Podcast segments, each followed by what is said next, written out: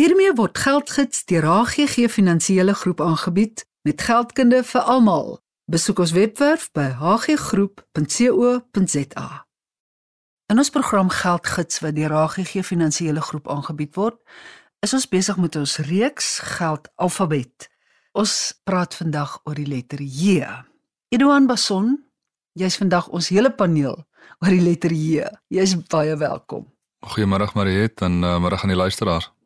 Eduan is verbonde aan HGG se welvaartsake eenheid en hulle as sodanig moet sekerlik 'n jaarverslag opstel. Eduan, wie moet jaarverslae opstel? Ons hoor gedurig daar word 'n jaarverslag vrygestel. Wie en watter instansies moet dit vrystel? Watter tyd van die jaar is daar 'n verskil tussen 'n kalenderjaar en 'n finansiële jaar? Vertel my van 'n jaarverslag asseblief. Mariet, 'n jaarverslag moet deur meeste maatskappye opgestel word. Is natuurlik iets wat gebruik word by alle maatskappye wat gelys is op die aandelebeurs. En die jaarverslag dui dan op die finansiële en besigheidsaktiwiteite van daardie maatskappy vir hulle finansiële jaar. Sodoende kan beleggers bepaal wat die bates is van daardie maatskappy. Hulle kan sien hoe die maatskappy verhandel het oor die laaste jaar. Hulle kan sien hoe die maatskappy se balansstaat lyk of hulle te veel skuld het of hulle baie likwiditeit het of hulle baie reserves het. Hulle kan sien of die uitvoerende direkteur te veel vergoeding ontvang het of uh, 'n uh, bonus ontvang het wat 'n bietjie buitensporig is. Hulle ontbloot maar basies alles en daarop gebaseer kan 'n belegger dan nou besluit of dit 'n maatskappy is waarvan hy graag 'n aandeel wil besit of nie. En dit is ook waarop aktiewe fondsbestuurders gereeld hulle besluite om in 'n maatskappy te belê sal baseer is die jaarlikse verslag van 'n maatskappy. Ek wil juist vir jou vra na aanleiding van ons vorige gesprek onder die letter U indeksfondse dat die beleggers en die beleggers eintlik reikhalsend uitsien na 'n jaarverslag. Dit verwys nou meer na hulle eie beleggings se jaarverslag en dit sal nou weer 'n samevatting wees van al die maatskappye waarin daardie belegging blootgestel is en hoe daardie belegging presteer het gewoonlik gemeet teenoor 'n algemene indeks wat dieselfde risiko het as hulle fonds of moontlik ook gemeet teenoor inflasie. En dit is op die einde van die dag maar die groot doel met enige belegging is jy wil seker maak dat jou geld en die koopkrag van jou geld van jaar tot jaar meer groei as wat inflasie toeneem. Met ander woorde dat jou koopkrag met tyd ja. beter en beter sal raak. Dit is hoekom beleggers so gereeld kyk na hulle jaarverslae want almal wil natuurlik seker wees hulle beleggings presteer ordentlik. En hoekom maatskappye soms 'n jaarverslag vrees die opstel daarvan wanneer dit nie presteer het in die vorige finansiële jaar nie. Dit wil vir my voorkom asof die staatsentiteite nie die jaarlikse verslag so baie vrees as wat die private entiteite doen nie, maar dit is wel belangrik om seker te maak dat 'n maatskappy altyd in die belang van die aandeelhouers optree en presteer. Edouan en ek het gewonder oor die verskil tussen 'n jaar finansiële jaar in 'n kalenderjaar. Kom dit noodwendig dieselfde tyd uit as die 1 Januarie of wanneer kom jaarverslae gewoonlik uit? So ons almal is wel bewus van kalenderjaar, dit, dit strek van Januarie tot einde Desember. Dan is daar 'n finansiële jaar vir individue wat van die 1 Maart van hierdie jaar tot die einde van Februarie van die daaropvolgende jaar strek. Maatskappye se finansiële jare stem nie altyd ooreen met individue se finansiële jare nie. So 'n maatskappy se finansiële jaar kan enige tyd begin en enige tyd eindig, maar dit begin en eindig elke jaar op dieselfde tyd. Daar's 'n maatstaf, Jensen's Alpha. Dis risiko en prestasie maatstaf. Speel dit 'n rol in hierdie jaar verslae? Jensen's Alpha verwys na 'n risiko en 'n prestasie maatstaf spesifiek op beleggings. Dit verwys na die fondsbestuurder, spesifiek die aktiewe fondsbestuurder se vermoë om te uitpresteer gegee die risiko wat hy neem. So om dit op 'n makliker manier te verduidelik, kom ons sê jy is 'n fondsbestuurder en jou portefeulje neem genoeg risiko om 10% opbrengste te lewer onder normale omstandighede. Maar Mariet, jy's 'n uitstekende fondsbestuurder en jy het die vermoë om die regte maatskappye te kies, die risiko van die belegging bly dieselfde, maar jy lewer skielik 12% se opbrengste met dieselfde risiko as 'n portefeulje wat eintlik 10% se opbrengste het. Sonder lewer. enige onder die tafel onderhandelinge. Wel ons hoop so en daai alpha of Jensen's alpha in jou geval sal dan 2% wees. Met ander woorde, jy het 2% oorpresteer as wat eintlik verwag word gegee word die risiko wat jy neem. En goeie fondsbestuurders sal 'n goeie trek rekord hê as mens nou die Engelse term kan gebruik met die jare deur. So mense sal oor 'n lang termyn kan meet wat 'n spesifieke fondsbestuurder se vermoë is om gereeld te uitpresteer gegee word die risiko wat hy kan neem. 'n Goeie aktiewe fondsbestuurder is natuurlik goud werd. So hulle moet goed beloon word as hulle goed presteer. Fondse oor die algemeen, uh dit wissel van fonds tot fonds. Sommige fondse het 'n prestasiefooi wat gehef word, so as die fonds bo hulle minimum vereiste prestasie presteer, dan bo dit sal daar prestasiefooi gehef word. Ander fondse het 'n vaste fooi, daar is geen prestasiefooi wat gehef word nie. Net interessantheidshalwe belastingvrye beleggings, die mm -hmm. fondse wat 'n mens kan kies vir 'n belastingvrye belegging mag geen prestasiefooi hê nie. Oh, en kry die belegger dan met ander woorde by die meeste fondse volgens wat jy nou vir my verduidelik het, kry die belegger dan sy uitnemende fondsbestuurder se ekstra sien maar 3% wat hy bo die verwagte gepresteer het? Dit is korrek. So enige oorprestasie is natuurlik tot die belegger se voordeel ongelukkig net so ook die onderprestasie. So dis baie belangrik om 'n goed gediversifiseerde portefeulje te hê.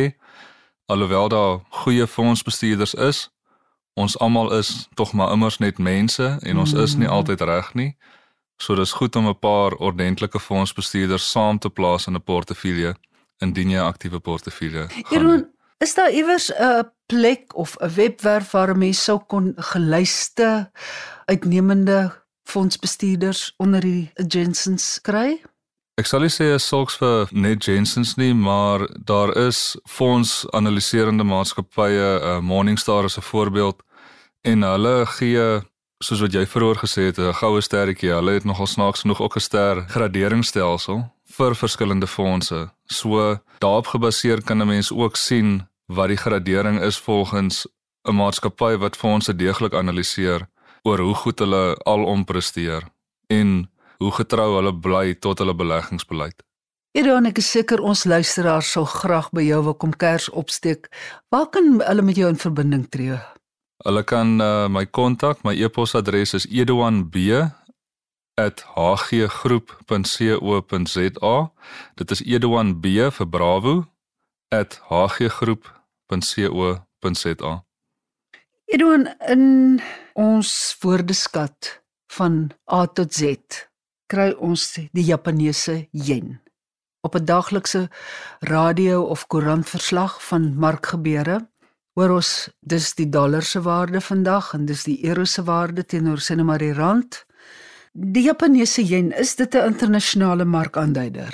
Ek sal sê as sulks 'n aanduider nie, maar dit is ook 'n belangrike geldeenheid om van bewus te wees. Uh, die rede daarvoor is bloot die die ooste maak 'n groot deel uit van die wêreldekonomie, so dit is ook goed om te weet waarvoor daardie geldeenheid verhandel en natuurlik omdat ons so baie invoer van daar af, is dit natuurlik belangrik vir baie besigheidsmense om te weet wat ons geldeenheid werd is teenoor die yen.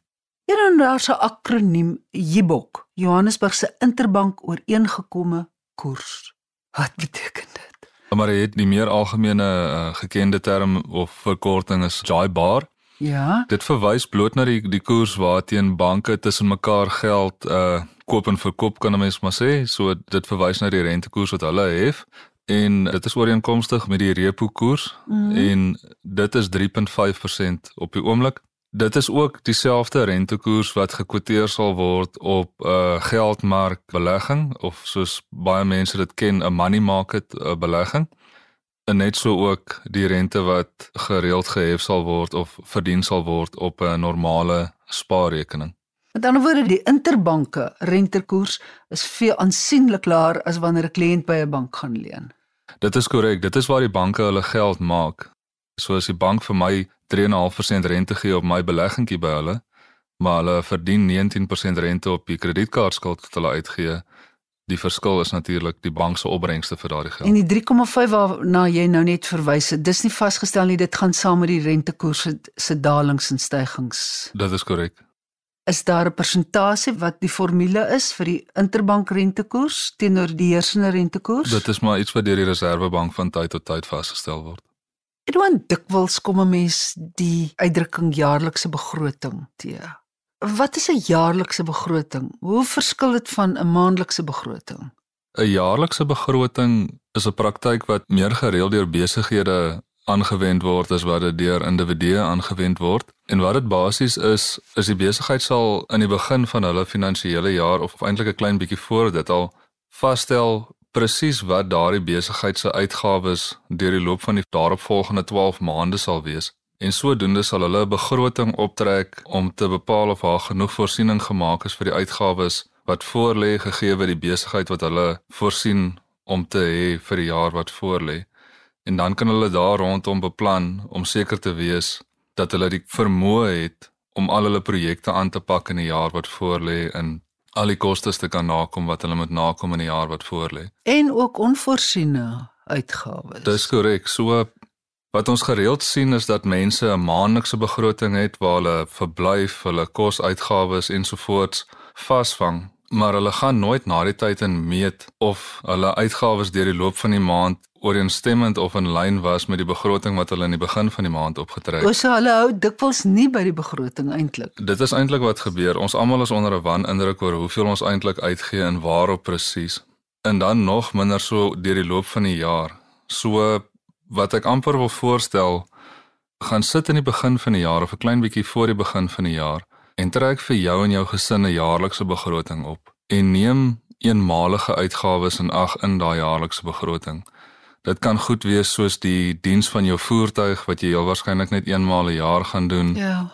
Jou kind se verjaarsdag, jou gade se verjaarsdag. Matriekafskeid rok. As jy nou regtig die bank wil breek, ek hoor is deesdae meer as een rok en breek daai eenmalige jaarlikse uitgawes op in 12 gelyke uitgawes, dan kan jy in jou maandelikse begroting daardie groot eenmalige uitgawes inwerk en dit is baie makliker om dan so al jou finansiële verantwoordelikhede deur die loop van die jaar te kan nakom eerder as om net net op jou maandelikse begroting deur te kom en wanneer daai groot eenmalige uitgawe voor jou lê dat jy dan in skuld of noodfondse moet inval. Edouan, wat is die geheime formule vir die opstel van 'n begroting? Die opstel van 'n begroting vind ek moet 'n mens vir jouself 'n bietjie ruimte gee.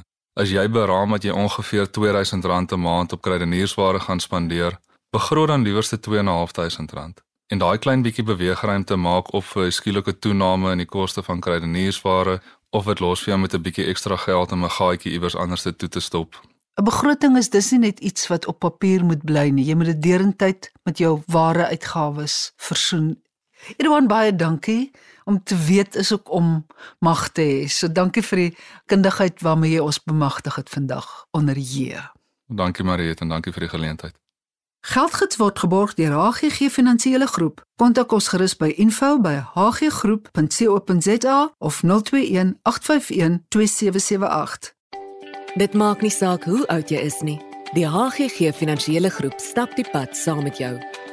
As jy meer as die alledaagse verwag vir advies oor omvattende finansiële behoeftes, lewer ons diens wat jou pas. Ons bied innoverende en toekomsgerigte finansiële dienste met die klem op persoonlike kontak.